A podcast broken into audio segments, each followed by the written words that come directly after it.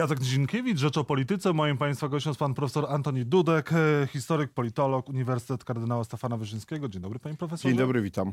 Polska przegrywa e, walkę o pamięć?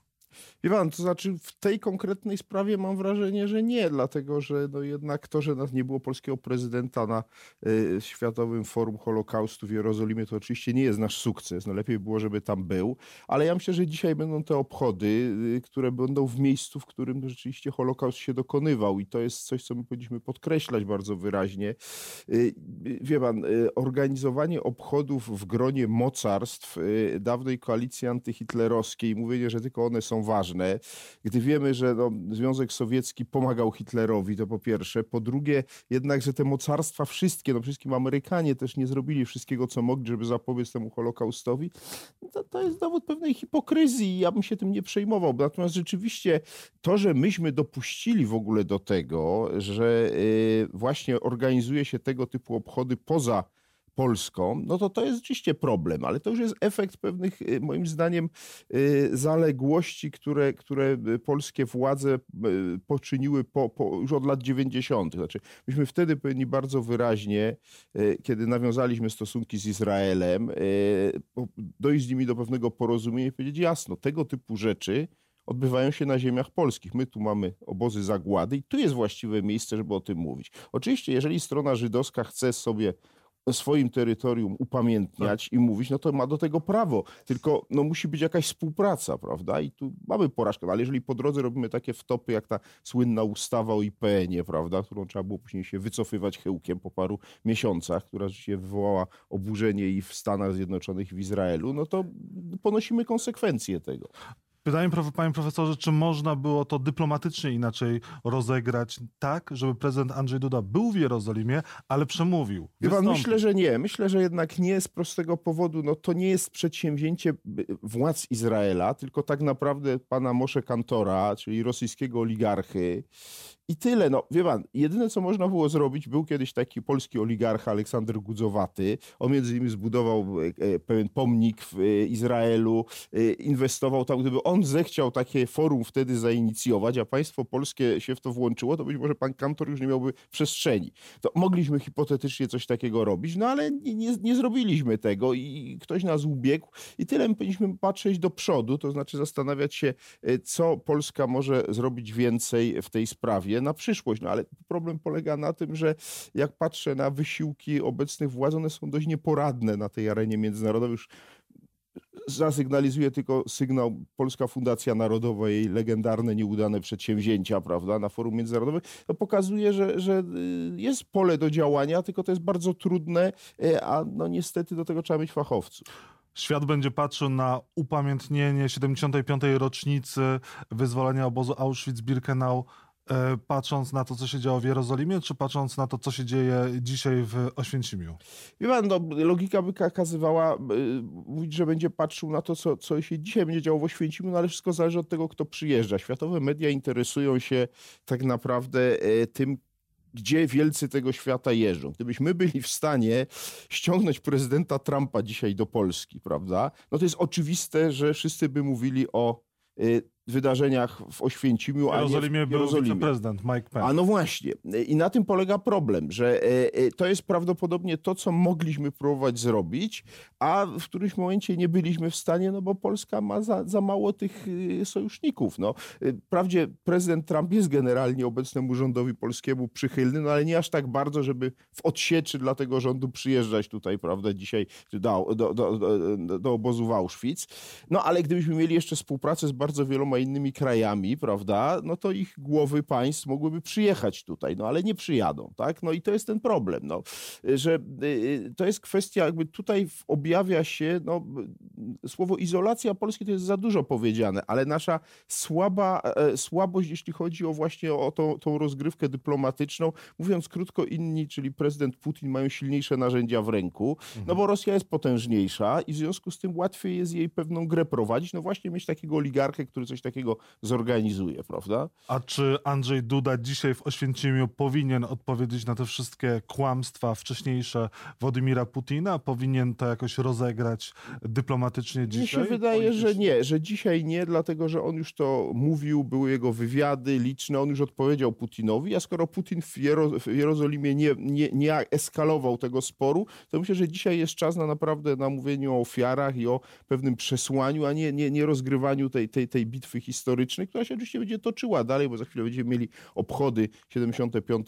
końca II wojny światowej, znowu pewnie albo Polska nie zostanie zaproszona, albo zostanie gdzieś tam sprowokowana y, przez stronę rosyjską. Inna rzecz, że teraz, prawda, prezes Kaczyński zaczął nową e, etap konfliktu z Rosją, mówiąc o tym razem reparacjach czy odszkodowaniach, jakie nam się ze strony rosyjskiej należą. To jest pewne... Przepraszam, ja rozmawiałem wielokrotnie z Arkadiuszem Mularczykiem, który odpowiada w Prawie i Sprawiedliwości za właśnie temat reparacji i niejednokrotnie pytany o to, e, czy Rosja powinna e, te reparacje nam płacić, czy Polska będzie ubiegać się, mówił, że nie, od Rosji nie, no bo to jest jednak kraj, z którym trudno, trudno rozmawiać, negocjować, o tylko od Niemiec. No Swoją teraz... drogą te negocjacje z Niemcami do dzisiaj na, kwest, na, na forum y, rządowym y, nie wypłynęły. To jest cały czas tylko na rynku wewnętrznym. No, do, znaczy, więc właśnie, no, teraz jak rozumiem poseł Mularczyk będzie przygotowywał kolejny raport, że trzeba go zapytać o to. Natomiast prawda jest taka, że ciągle nie ma tego raportu związanego, znaczy inaczej. Y, prezes Kaczyński mówi, że on jest ciągle przygotowany, ale istnieje też wersja, która mówi, że on już jest od wielu miesięcy gotowy, tylko nie ma właśnie zgody prezesa Kaczyńskiego, żeby ten raport o stratach, jakie ponieśliśmy od strony niemieckiej, ujawnić, więc mam nadzieję, że poseł Mularczyk przy okazji, pytany teraz o Rosję, powie też, co jest z tym raportem w sprawie Niemiec. Ale wie pan, no, jedno jest pewne, to nie jest sposób na łagodzenie relacji z Rosją, tylko na ich eskalację i to na polu, na którym, no powiedzmy sobie jasno, nie ma najmniejszych szans. Ja zresztą też nie bardzo wierzę w te e, reparacje od Niemiec, żeby była jasność, ale od Rosji tym bardziej nie wierzę. No. Czyli mówiąc wprost, mamy do czynienia z e, budowaniem polityki zagranicznej, bo to jest element polityki zagranicznej, na jakiś kompletnie e, irracjonalnych przesłankach, bo jak powiadam, ja nie twierdzę oczywiście, że Rosja nie, Armia Czerwona nie wywołała zniszczeń w Polsce, bo wywołała. Tylko no, powiedzmy sobie jasno, szanse wyegzekwowania czegoś są yy, bliskie zeru no, w tym wypadku. I w związku z tym podnoszenie tego jest niczym innym jak eskalowaniem tego konfliktu. Zresztą zgodnie z tym, co prezes Kaczyński od dawna wyznaje, to jest zasada, która mówi, że polityka zagraniczna ma być służebna wobec wewnętrznej, czyli on najwyraźniej wierzy, że może na tym konflikcie yy, z Rosją, na jego eskalacji uda się pognębić Konfederację i Krzysztofa Bosaka jako kandydata na prezydenta, bo proszę zwrócić uwagę, y, rozumowanie wyglądało tak. Andrzejowi Dudzie brakuje dosłownie kilku procent, żeby wygrać w, y, w y, pierwszej turze. Te kilka procent ma dzisiaj kandydat Konfederacji Krzysztof Bosak. Jeżeli uda się przedstawić Bosaka i Konfederację jako partię prorosyjską, no to ci wyborcy przynajmniej w części odejdą, no i przecież nie pójdą na panią Kidawek-Błońską głosować, ani na innych kandydatów centrum czy lewicowych, prawda, tylko pójdą na Andrzeja Dudę. No i być może dołożą z tych 40 kilku te kilka procent i Andrzej Duda wygra w pierwszej turze. I moim zdaniem taka jest e, e, sens tej wypowiedzi prezesa Kaczyńskiego i zapewne wielu innych, które usłyszymy. Niedawno też premier Morawiecki mówił o tym, że e, prawda, Konfederacja to jest partia prorosyjska, więc będzie ciąg takich wypowiedzi, których celem jest właśnie przeciągnięcie tego elektoratu Konfederacji, elektoratu Krzysztofa Bosaka na stronę Andrzeja Dudy. Andrzej Duda ma szanse realne wygrać w pierwszej turze wybory prezydenckie? Wie pan co, to będzie bardzo trudne, ale ja bym dzisiaj tego nie wykluczał, chociaż ja właśnie mniej wierzę w tą koncepcję, która moim zdaniem jest dość dziwna, żeby zniszczyć ten, inaczej, żeby przeciągnąć ten elektorat Bosaka. Natomiast oczywiście będzie tak, jak, jak zobaczymy, jak będzie wyglądała kampania tych kandydatów, właśnie przede wszystkim pani Kidawy Błońskiej i innych, to znaczy mówiąc krótko, na ile ona będzie udana. Jak ona będzie słaba, no to ludzie będą szukali innych wyborców i wbrew temu, co twierdzą niektórzy, że jest taka nieprzekraczalna zupełnie ściana czy mur między, między między y, y, właśnie Andrzejem Dudą a tymi kandydatami typu Kosiniak-Kamysz, Hołownia czy, czy Kidawa-Błońska. Ja twierdzę, że jest pewien odsetek i to rzędu 10% elektoratu, który tak naprawdę nie, ciągle ignoruje tą wojnę polsko-polską i oni podejmą decyzję w ostatniej chwili. Im się na przykład spodoba na ten Andrzej Duda, że tak ładnie mówi, a pani Kidawa-Błońska mówi mniej ładnie, no to zagłosują na niego. I ja podejrzewam, że jeżeli ona będzie miała słabą kampanię, no to właśnie część jej rozczarowanych wyborców dzisiaj, którzy by dzisiaj na nią zagłosowali, w maju może dać Andrzejowi Dudzie zwycięstwo w pierwszej turze. Więc ja bym tego nie wykluczał, natomiast też, żeby była jasność, nie, nie uważam tego za, za przesądzone. To jest raczej wielki znak zapytania, bo Właściwie nie ma sondażu, który by Dudzie pokazywał ponad 50%. Wszystkich ma 40 kilka i to nie jest przypadek. To znaczy tu jest gdzieś ta, ten szklany sufit. A czy Andrzejowi Dudzie może pomóc, czy zaszkodzić to zaostrzenie kursów w sprawie sądów i też e, zaostrzenie kursów w sprawach y, unijnych, gdzie mówi, że nie tak. będą nam w obcych językach pisać prawa? No więc ja sądzę, że mu zaszkodzi. Natomiast znowu jest pytanie o, o, o tą strategię. Tu wracamy do tego, e, o czym mówiłem przed chwilą, czyli tego pozyskiwania elektoratu Konfederacji, czy, czy, czy wyborców, potencjalnych e, wyborców, zwolenników Krzysztofa Bosaka. Ja rozumiem, że ten twarda retoryka ma temu właśnie służyć, żeby to jest obok tej wątku rosyjskiego, to jest drugi, ten antyunijny czy antysędziowska retoryka, to jest element pozyskiwania właśnie tych wyborców prawicowych, czy skrajnie prawicowych. Natomiast ja uważam, że dla Andrzeja Dudy najważniejszy jest elektorat centrowy, bo jeżeli się nie uda jednak do, wygrać w pierwszej turze i, i skończyć na tym wyborów, no to następuje ta druga tura, w której będzie, no przecież nie Krzysztof Bosak, prawda, tylko będzie albo pani Kidawa Błońska, co jest dziś najbardziej prawdopodobne, albo jakiś inny kandydat y, opozycji no, na centrowej, czy, czy, czy, czy liberalnej, czy, czy lewicowej naprzeciwko Andrzeja Dudy.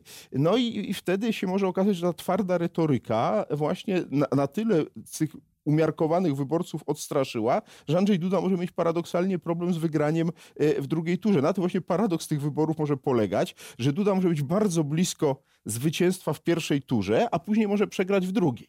E, to jest sytuacja, takie rzeczy się już w przeszłości zdarzały w różnych krajach. Bardzo ryzykuje zmianą retoryki, ryzykuje e, reelekcję Andrzeja Dudy. To prawda.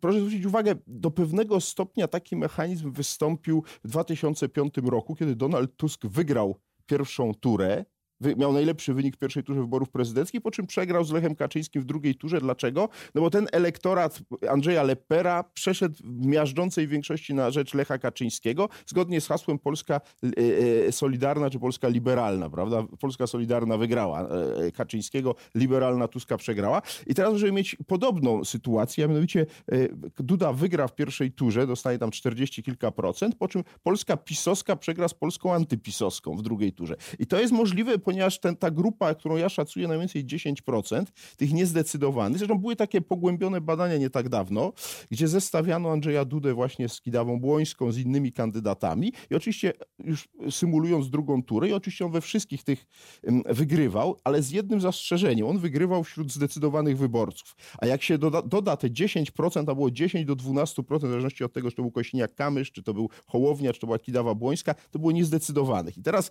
jeśli ci niezdecydowani by się podzielili w niekorzystny dla Dudy sposób, to on przegrywa drugą turę. I z Hołownią, i z Kosiniakiem Kamyszem, i z Kidawą Błońską. I właśnie na tym polega zagadka tegorocznych wyborów prezydenckich, że tego nie będziemy do końca pewni, czyli do, do drugiej tury. Czyli Andrzejowi nie opłaca się być tak naprawdę arbitrem w sprawie sądownictwa i dlatego on ten... ten nie, jemu arbitrem się bardzo by opłacało, tylko on nie chce być arbitrem. na przykład w okrągłym chce... stole. Wie pan, właśnie wiecie, mnie się wydaje, że prezydentowi właśnie opłacałoby się być arbitrem i mediatorem, a nie nie stroną. Tymczasem on się ustawił wyraźnie w roli strony w tym sporze.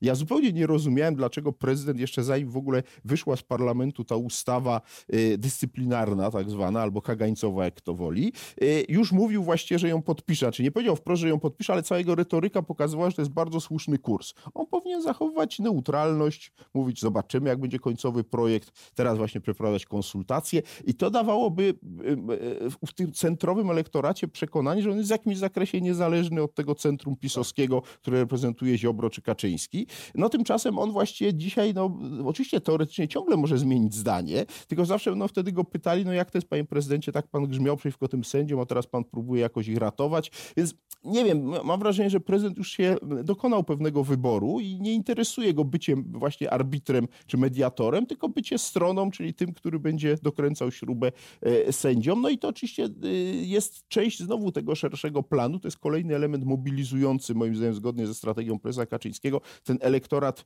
pisowski, czyli retoryka, że nas Unia, prawda, usiłuje zniewolić, ograniczyć, narzucać nam pewne sprawy, no, powiedział prezydent w obcych językach.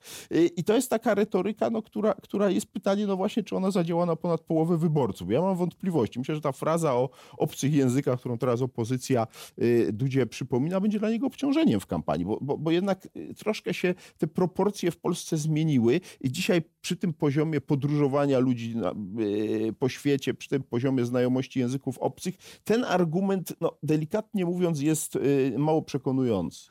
A, a porozmawiajmy o tym, co państwu się opłaca, co Polsce się opłaca i Polakom, a nie to, e, e, co opłaca się Andrzejowi Dudzie i partii, w szczególności rządzącej. Czy prezydent powinien wziąć udział w tym okrągłym stole i czy powinien być arbitrem e, i też doprowadzić do tego, żebyśmy nie mieli jednak dualizmu prawnego, bo w tą stronę zmierzamy. No, oczywiste, że tak, tak postrzegam rolę prezydenta i tak ona jest zarysowana w konstytucji. No, dlatego się wyklucza możliwość przynależenia prezydenta do partii politycznych, chociaż no, wszyscy niestety prezydenci z wyjątkiem Wałęsy się wywodzili z bardzo konkretnych partii politycznych. No, mamy, Kwaśniewski mamy... potrafił się jakoś tam odkleić. No, wie pan, próbował, ale to teraz się udawało, raz nie. Natomiast, y, wie pan, każdy z tych prezydentów jednak był zakładnikiem własnego obozu politycznego, ale mam wrażenie, że najmocniej zakładnikiem jest Andrzej Duda. I to ale właśnie na własne jest... życzenie. Y, tak, dokładnie tak, bo prezydent jednak jest tutaj niezależny. Oczywiście zawsze ryzykuje, bo o co tu chodzi? O tak zwaną drugą kadencję, czyli tylko czy go jego własny obóz polityczny poprze w staraniach o reelekcję. I w tym sensie prezydent jest zawsze w czasie pierwszej kadencji kadencji do pewnego stopnia zakładnikiem własnego obozu politycznego, no ale może sobie różnie to układać. W tej konkretnej sprawie akurat rzeczywiście w interesie Polski, ale myślę też, że walki o reelekcję Andrzeja Dudy byłoby inne wyprofilowanie. Ale jak mówię, wracamy do początku naszej rozmowy. To jest kwestia y, oceny, co jest mi bardziej potrzebne z punktu widzenia y, reelekcji. Czy ten centrowy elektorat, czy ten elektorat skrajnie prawicowy, który dziś popiera Konfederację i Bosaka. Czy Andrzej Duda popełnił błąd z perspektywy czasu patrząc, ułaskawiając Mariusza Kamińskiego i pana Wąsika? Jan, ja myślę, że y, to była błędna decyzja, ale y, nie z punktu widzenia interesów PiSu. Z punktu widzenia interesów PiSu to była jak najbardziej racjonalna decyzja, natomiast z punktu widzenia, y, powiedziałbym, no, praworządności, wiem, że to słowo już dzisiaj się kompletnie zużyło, trzeba było poczekać jednak na wyrok w drugiej instancji, bo ja przypomnę, oni zostali ułaskawieni, zanim sąd drugiej instancji wydał wyrok. Mhm. E, I to uwalnianie, jak to powiedział prezydent Duda, wymiaru sprawiedliwości od tej sprawy było po prostu błędem. Prezydent nie jest od uwalniania wymiaru sprawiedliwości, jest owszem od stosowania prawa łaski, ale trzeba było poczekać na wyrok drugiej instancji. Tyle tylko, że nowe tylko, informacje. Tylko o co wtedy chodziło? To znaczy wtedy chodziło o to, że gdyby, ponieważ była sprawa w drugiej instancji, ona się mogła długo ciągnąć, Kamiński nie mógłby jako osoba mająca prawa, sprawę sądową zostać ministrem. Chciał, Kaczyński go chciał za wszelką cenę w rządzie, no więc zmuszono, jak sądzę, Dudę e, do takiego działania. A dzisiaj, no dzisiaj wychodzą oskarżenia słynnego agenta Tomka, e, które oczywiście e, można, ja mam do nich bardzo ambiwalentny stosunek, bo z jednej strony one moim zdaniem są prawdopodobne, z drugiej strony człowiek, który je wygłasza jest bardzo niewiarygodny. Natomiast... Znaje pod przysięgą prokuraturze. Ja wiem, ale wie pan, ale on jest człowiekiem, który ma określoną przeszłość i my tą przeszłość w części przynajmniej tak. znamy i to jest przeszłość człowieka bardzo niewiarygodnego. Natomiast, i który ma dzisiaj motyw, żeby obciążać i Kamińskiego i Wąsika. Natomiast jest jakby jasna weryfikacja. No jeżeli y, y, on mówi nieprawdę, jeżeli tam tak, tak naprawdę są silne, twarde dowody, jest czwarty rok śledztwa prokuratury w tej sprawie, wznowionego w 2016 owej willi w Kazimierzu, tak? I teraz, I teraz najwyższa pora w takim razie, żeby postawiła prokuratura zarzuty. A jeżeli nie, to być może rzeczywiście e, e, pan e, Kaczmarek, czyli tak zwany agent Tomek, ma rację i, i, i, i po prostu sprawa była dęta od początku. No bo jeżeli w czwartym roku prowadzenia śledztwa w tej sprawie i teraz już przez prokuraturę kontrolowaną przez Zbigniewa Ziobrę nie ma zarzutów, no to rodzi się pytanie, czy rzeczywiście kiedykolwiek były jakieś poważne powody do tej sprawy, żeby zorganizować taką wielką operację, bo, bo no wydaje się, że sprawa była dęta. No, natomiast jak się pojawią oczywiście zarzuty wobec małżeństwa pre, e, prezydenta Kwaśniewskiego i jego małżonki o ukrywanie majątku i to wtedy sąd będzie to rozstrzygał, wtedy się czegoś dowiemy. Ale na razie, jak mówię, no, pozostajemy tylko w sytuacji, w której rzeczywiście padły pod oskarżeniem ministra Kamińskiego poważne zarzuty, no i on powinien jakoś odpowiedzieć. Mhm. E, czy może powinien odpowiedzieć e, honorową on honorowo dymisją? Wie pan co, nie wiem, ja podejrzewam, Do tego dochodzą że... też inne sprawy, jak chociażby kwestia Mariana Banasia, gdzie były wtedy służby. Ja wie pan, osobiście uważam, że sprawa Banasia jest wielokroć poważniejsza, obciąża hipotekę polityczną ministra Kamińskiego, więc skoro on się wtedy nie podał do dymisji w związku ze sprawą Banasia... Powinien wtedy? Wie pan, moim zdaniem tak, dlatego że no jednak, powiedzmy sobie jasno, postawił własny obóz polityczny w bardzo trudnej sytuacji i to chyba jest największa wpadka służb, tą, którą możemy stwierdzić, bo jest ileś tajnych, o których nie wiemy. Ale jeśli można, no, trudno sobie wyobrazić większą wpadkę służb, bo co innego, gdyby PiS twierdził, że Marian Banaś jest czysty jak łza tak. i trwał dalej w przekonaniu, że to są pomówienia, oskarżenia. Ale skoro sam PiS prezes Kaczyński stwierdzili, że Banaś jest osobą nierzetelną, skompromitowaną, no to ktoś jednak nie poinformował, albo odwrotnie, to, to, o tym też kiedyś rozmawialiśmy. Być może prezes Kaczyński jednak o tym wszystkim wiedział i to jest prawdziwy powód, ale tak czy owak nie spodziewam się dymisji y, ministra Kamińskiego w związku z tą sprawą. Czy Borys Budka odnowi Platformę Obywatelską i doprowadzi Małgorzatę Kidawę-Błońską do zwycięstwa w wyborach prezydenckich? Jan, y, no to jest właśnie klucz w najbliższych miesiącach, y, czy miernik sukcesu Budki to będzie wynik Kidawy-Błońskiej, bo rzeczywiście jest tak, że Kidawa-Błońska musi dostać co najmniej drugie miejsce w tych wyborach. Każda niższa niższa lokata e, jest e, klęską e, nie tylko jej, ale też Platformy już pod przewodem Budki. Dlatego on się zachowuje na razie racjonalnie, bo z tego co słyszałem, pierwsza decyzja jaką podjął, to że będą tworzone już nie tylko ten sztab ogólnopolski Kidawy Błońskiej, który już jest, tylko że będą tworzone sztaby regionalne i w każdym powiecie. Teraz tylko, że te wybory co pokazały? Że w, w Platformie jest mniej więcej 8 tysięcy ludzi, którzy są skłonni w ogóle wziąć udział w najważniejszym wydarzeniu w życiu tych partii, czyli w wyborze lidera. Teraz jest pytanie, ilu z tych 8 tysięcy ludzi się zaangażuje w kampanię pani Kidawy Błońskiej? Ja podejrzewam, że nie wszyscy, jakaś część. I to się nagle okazuje, że z tej największej partii opozycyjnej to jest partia mocno, mocno taka kadłubowa. I teraz jest pytanie, czy te parę tysięcy ludzi, jeśli się nawet zaangażuje, jest w stanie w istotny sposób wpłynąć y, na lepszy wynik Kidawy Błońskiej? Moim zdaniem w ograniczonym stopniu znacznie ważniejsze będzie to, co ona będzie sama robiła, mówiła, jak to będzie robiła i jak to będą media pokazywały. Y, I tak naprawdę Budka jest trochę skazany na oczekiwanie na maj, po czym się okaże, czy jest jeszcze co ratować, czy to już po prostu będzie masa upadłościowa. Bo jeżeli Kidawa Błońska nie dostanie wyniku numer dwa, co najmniej, no to yy, dla Platformy idzie zły czas z prostego powodu. No nagle, jak, co to jest za partia główna opozycyjna, jak jej kandydatka nie jest w stanie drugiego miejsca nawet zająć w wyborach prezydenckich i zacznie się kryzys w Platformie jeszcze głębszy. Natomiast y, z drugiej strony Budka ma kolejne, później po wyborach prezydenckich ponad 3 lata bez e, żadnych wyborów i ponad 100 posłów, którzy będą mieli prawda, e, mandaty i w związku z tym można teoretycznie odbudowywać. Tylko pytanie, no, jak się będzie czuła Platforma po wyborach prezydenckich? Tego dziś nikt nie wie. Jak się będzie czuł Grzegorz Schetyna? On będzie pomagał wygrać Małgorzacie Kidawy-Błońskiej i będzie wzmacniał Borysa Budkę, czy jednak będzie przeczeka i będzie próbował partię. Wie pan, to jest oczywiście pytanie do Grzegorza Schetyny. Ja powiem tak, jego znaczenie w reelekcji, Kida, inaczej, jego znaczenie w tym, czy, jaki będzie miała pani Kidawa-Błońska wyrok jest znikome. Znaczy, wy, wy, jaki będzie miała rezultat wyborczy, yy, czy wyrok wyborców, o, może w ten sposób, jest zupełnie nieistotne. Natomiast oczywiście on źle znosi przegrane, więc, ale kiedy już był na zesłaniu przez Tuska, teraz pewnie się okopie zesłany przez Budkę na jakieś mało mało istotne stanowisko, no i oczywiście będzie czekał na powrót, ale myślę, że ten powrót już nie nastąpi, a nawet gdyby nastąpił, to na takiej zasadzie, jak kiedyś Leszek Miller wrócił do przywództwa SLD. To znaczy ja nie wierzę w powroty byłych liderów partii. Rozgrywającym Schetyna już nie będzie i to jest koniec wielkiej kariery Grzegorza Schetyna. Znaczy wydaje mi się, że tak, znaczy oczywiście on może wrócić kiedyś w jakiejś przyszłości y, na, y, w roli przywódcy Platformy, ale to już będzie Platforma, która nie będzie główną siłą opozycyjną, która w ogóle będzie gdzieś zmarginalizowana. No, trochę tak jak Miller wrócił na, na moment na przywództwo SLD, która już się kompletnie nie liczyła i to się skończyło panią Ogórek, prawda? Więc y, y, do czego zmierzam? To znaczy po prostu Platforma, jeśli